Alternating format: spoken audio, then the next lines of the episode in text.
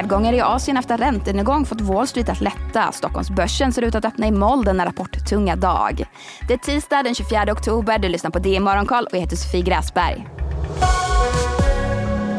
Ja, det är lite blandade rörelser på de ledande asiatiska börserna. I Tokyo backar börsen 0,7 procent och börsindexet Topix nådde lägsta nivåer sedan juni efter rapportsäsongens första techbolag Nidec fallit tvåsiffrigt på en vinstmiss i kvartalet. Bank of Japan tillkännagav ytterligare ett oplanerat obligationsköp i ett försök att dämpa de stigande statspappersräntorna. Och Japans sammanvägda inköpschefsindex sjönk under tillväxtgränsen för första gången i år. Det är efter att tjänstesektorn sett en nedgång i september. Hongkongsbörsen som öppnat efter gårdagens helgdag backar närmare 1 Mot strömmen går däremot börserna i Fastlandskina som stiger svagt efter att landets suveräna förmögenhetsfond i ett försök att stärka den fallande aktiemarknaden under måndagen köpt börshandlade fonder. Kinas utrikesminister Wang Yi har i telefon med sin israeliska kollega sagt att alla länder har rätt att försvara sig, rapporterar nyhetsbyrån AFP med hänvisning till en transkribering publicerad av det kinesiska utrikesdepartementet och en oro för att konflikten ska eskalera får oljepriset att återstiga runt en halv procent efter att ramla ner några procentenheter under måndagen då Israel ännu inte inlett någon storskalig markinvasion av Gaza. Bräntoljan kostar nu drygt 90 dollar fatet. Bitcoinen fortsatte till rally uppåt och tog sig tillfälligt över 35 000 dollar per bitcoin enligt Bloomberg. Den står nu i drygt 34 000 dollar. Vilket för oss direkt vidare till USA där börserna vände upp igår efter att amerikanska tioåringen fallit tillbaka efter att noteras över 5% för första gången sedan 2007. Breda S&P 500 stängde svagt ner och tekniktunga Nasdaq steg 0,3% Den amerikanska tioårsräntan står nu i 4,84 Hedgefondsmiljardären Bill Ackman fick rätt i att räntan på statsobligationer skulle rusa. Men igår kväll meddelade investeraren, som är en av Wall Streets tungviktare, att han stänger sin blankning.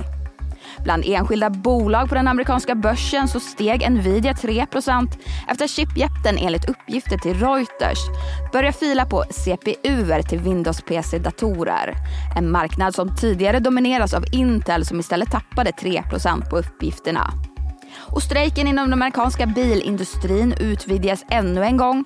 Igår tog 6 800 medlemmar i fackföreningen ut i strejk vid en av Stellantis fabriker i Michigan. Marknaden väntar nu spänt på att två av megacap-bolagen Alphabet, alltså Googles moderbolag, och Microsoft rapporterar senare idag. Bolagen har ju stor påverkan på hela indexet. Alphabet väntas göra marginellt mindre vinst än samma kvartal i fjol medan Microsoft väntas växa resultatet något. Och så rapporterar även svenska Spotify innan Wall Street öppnar. Så till Sverige där Stockholmsbörsen ser ut att öppna svagt neråt efter att ha sjunkit för sjunde dagen i rad igår. Och vi går mot ännu en rapporttung dag med rapporter från bland annat Stora Enso, Munters och Nordnet. Missa inte Rapport morgon för vd-intervjuer med de rapporterade bolagen. Streamingbolaget Vplay däremot skjuter upp sin publicering av sin delårsrapport eftersom bolaget för diskussioner om en rekapitalisering av koncernen. Rapporten kommer senast 29 november.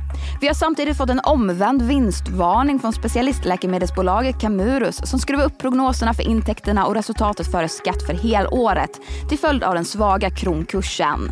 Enligt de nya prognoserna väntar man sig intäkter på 1,6 till 1,7 miljarder kronor och ett resultat före skatt på 535 till 600 miljoner kronor.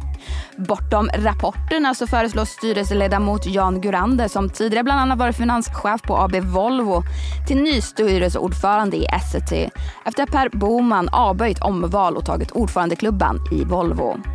Batterijätten Northvolt planerar att göra sin börsnotering i Stockholm nästa år och söker en värdering på runt 219 miljarder kronor enligt uppgifter till Financial Times. Enligt uppgifterna har Northvolt tagit kontakt med flera investmentbanker efter att ha fått rådgivning av investmentbanken Rothschild. Och det höga ränteläget har ännu inte fått full effekt på fastighetsbolagen, det skriver Danske Bank i en ny rapport och menar att det finns en eftersläpning på grund av bindningstider. Men på tal om fastigheter så ska Oscar Properties idag återbetala miljardlån. Två långivare till fastighetsbolagets dotterbolag har sagt upp säkerställda lån om cirka 2,1 miljarder kronor varav cirka 1,6 miljarder ska återbetalas redan idag. Skolinspektionen vänder sig till regeringen och föreslår skärpta bestämmelser i samband med uppköp av friskolor. Myndigheten föreslår bland annat att nya ägare ska bli skyldiga att ansöka om tillstånd att få fortsätta driva den köpta skolan. Och så har vi lite på agendan idag. Vi får preliminära PMI-siffror för euroområdet och USA. För euroområdet väntas det komma in närmast oförändrat på 43 och därmed fortsatt under tillväxtgränsen. I USA däremot så väntas det sjunka precis under tillväxtgränsen och komma in på 49 efter att ha varit över 50 sedan februari. Men det var allt för den här nyhetsuppdateringen. Missa inte Rapport morgon som drar igång halv åtta idag. Det är Morgonkollet tillbaka igen imorgon bitti. Jag heter Sofie Gräsberg.